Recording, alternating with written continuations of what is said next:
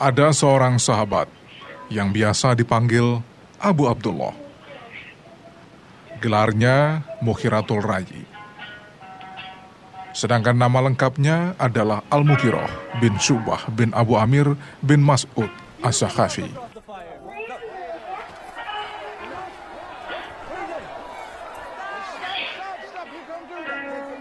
Ia dilahirkan di kota Taif tahun 20 sebelum hijrah.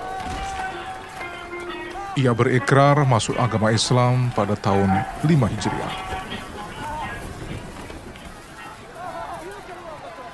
Selama berjuang dalam menegakkan ajaran Islam, Al-Mukhiroh bin Syubah menyaksikan perjanjian Hudaybiyah, Perang Yamamah, penaklukan Syam dan Khodisiyah, Nahawan, Hamdan, dan sejumlah peristiwa besar lainnya.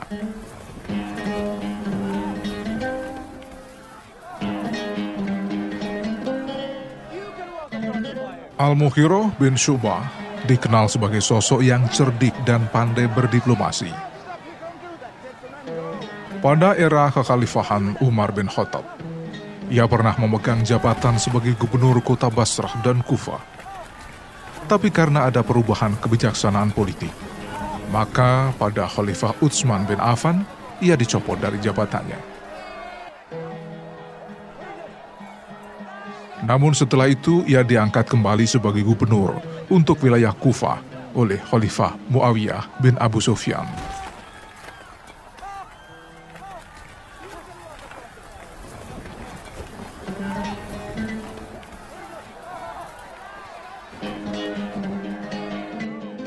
Kepandaian Al-Muhiroh bin Syubah dalam berdiplomasi membuat Sa'ad bin Abi Waqqas, panglima perang pada masa Khalifah Umar bin Khattab yang diutus menaklukkan Parsi, mengangkatnya menjadi diplomat dan mengutusnya ke perkemahan Panglima Besar Rustum, yang saat itu sedang mendirikan perkemahan bersama pasukannya di lembah Cadisia untuk mengawasi dan mempertahankan wilayah kekuasaan Imperium Parsi yang sangat luas.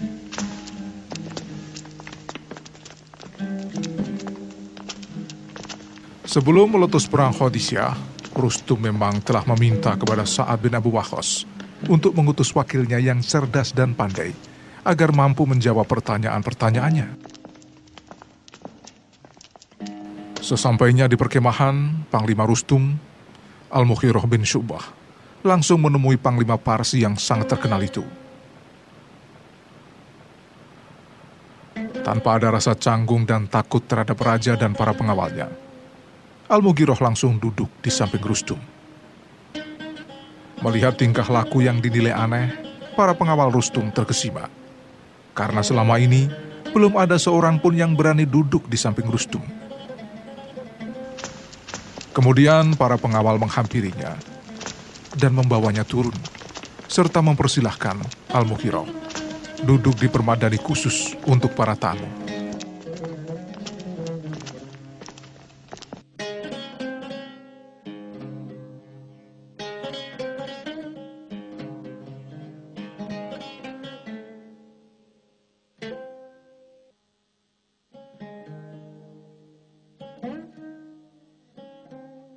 Sesaat kemudian, Al-Mukhirah berkata, Menurut informasi yang kami ketahui, kalian adalah bangsa yang memiliki intelektual dan kecerdasan tinggi.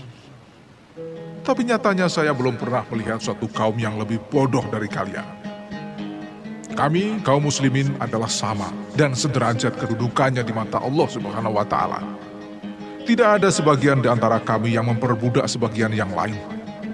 Bahkan lebih dari itu, kalian telah menghambakan diri kalian pada raja dan para pembesar kalian. Sementara sebagian di antara kalian telah menjadi Tuhan-Tuhan bagi sebagian yang lain.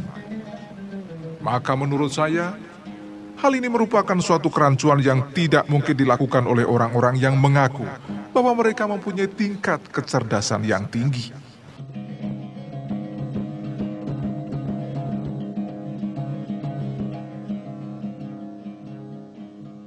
Kedatangan saya kemari bukan karena kepentingan apa pun, kecuali karena kalian telah mengundang saya. Oleh karena itu, sekarang saya sudah mengetahui bahwa kondisi kalian telah lemah, dan kalian akan dapat dikalahkan dengan sangat mudah. Ketahuilah olehmu bahwasanya suatu pemerintahan tidak akan dapat berjalan kalau mental para penguasanya seperti ini.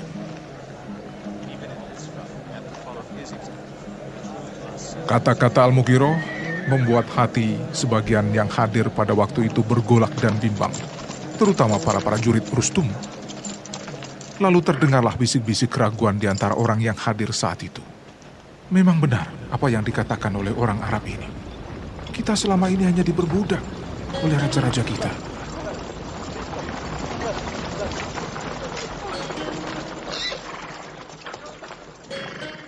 Sejumlah prajurit Rustum mulai guncang jiwanya hingga akhirnya muncul kebimbangan dan keraguan dalam hati terhadap para pemimpinnya. Melihat hal itu, Panglima Besar Rustum menjadi khawatir. Ia lalu berpidato tentang kehebatan dan kekuatan yang dimiliki oleh kerajaan Parsi serta masa nenek moyang hingga pada periode kekuasaannya. Ia pun menjelek-jelekan bangsa Arab dari sisi geografis, peradaban, kebudayaannya, tingkah laku penduduknya, dan persoalan-persoalan lainnya. Pidato yang ia lakukan tidak lain adalah untuk melemahkan mental Al-Mukhirah dan membangkitkan semangat kebangsaan para pembesar militer, kerajaan, dan tentu saja tentaranya.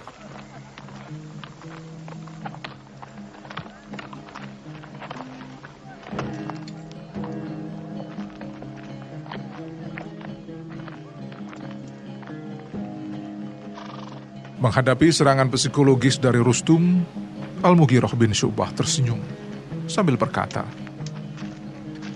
Memang ada benarnya apa yang kamu katakan. Akan tetapi patut kamu ketahui, ketika Allah telah mengutus seorang Rasul di antara kami, dan beliau sekuat tenaga mempersatukan kami, serta menginformasikan kepada kami bahwa negerimu dengan segala kekayaan ini akan jatuh ke tangan kami dan kami pun telah mendapatkan kejayaan itu kembali. Karena itu, kamu mempunyai tiga pilihan.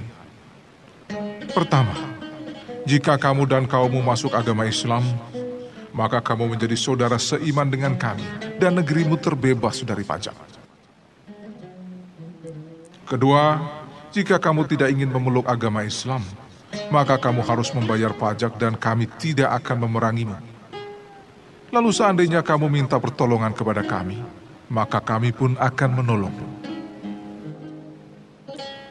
Pilihan ketiga, jika kamu tidak ingin memeluk agama Islam ataupun membayar pajak, maka kami akan memerangimu. Namun ketahuilah, kami tidak akan memulai penyerangan hingga kaummu menyerang kami. Dan ingatlah, Bangsa kami memang pernah mencicipi lezatnya makanan dari negerimu.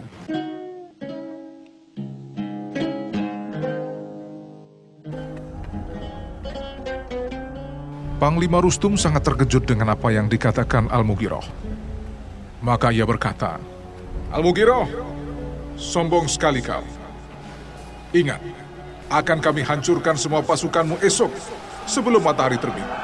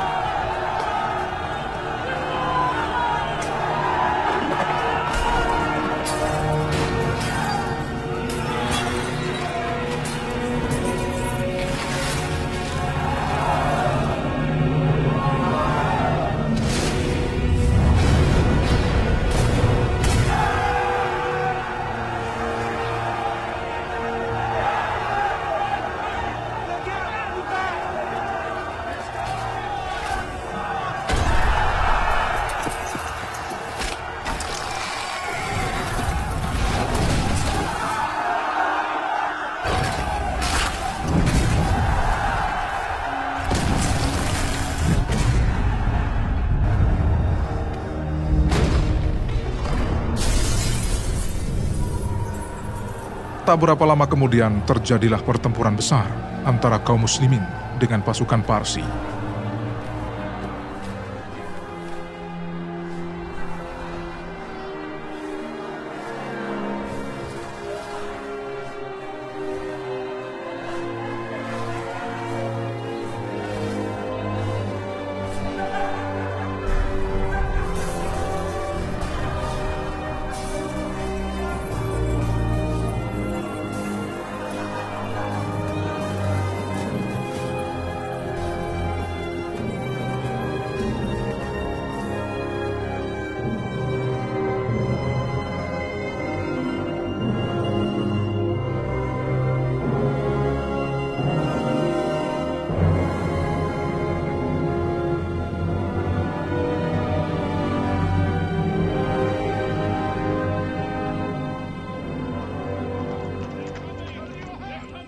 Beberapa hari kemudian, pasukan kaum muslimin dapat memenangkan pertempuran dan Panglima Rustum terbunuh. Pertempuran itu dikenal dengan nama Perang Hodisiah.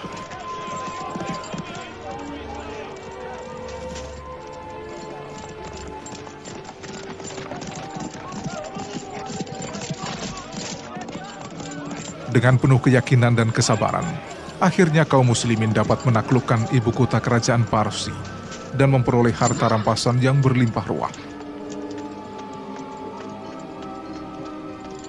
Kebenaran janji Rasulullah Shallallahu Alaihi Wasallam yang menyatakan bahwasanya pada suatu saat kaum muslimin dapat menaklukkan kerajaan Kaisar Yazdajir akhirnya benar-benar terwujud.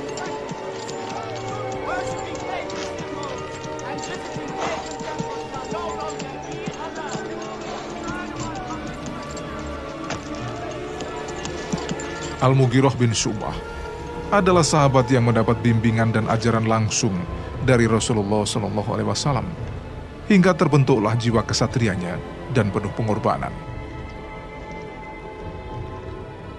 Al-Mughirah bin Syubah wafat tahun 50 Hijriah atau 670 Masehi.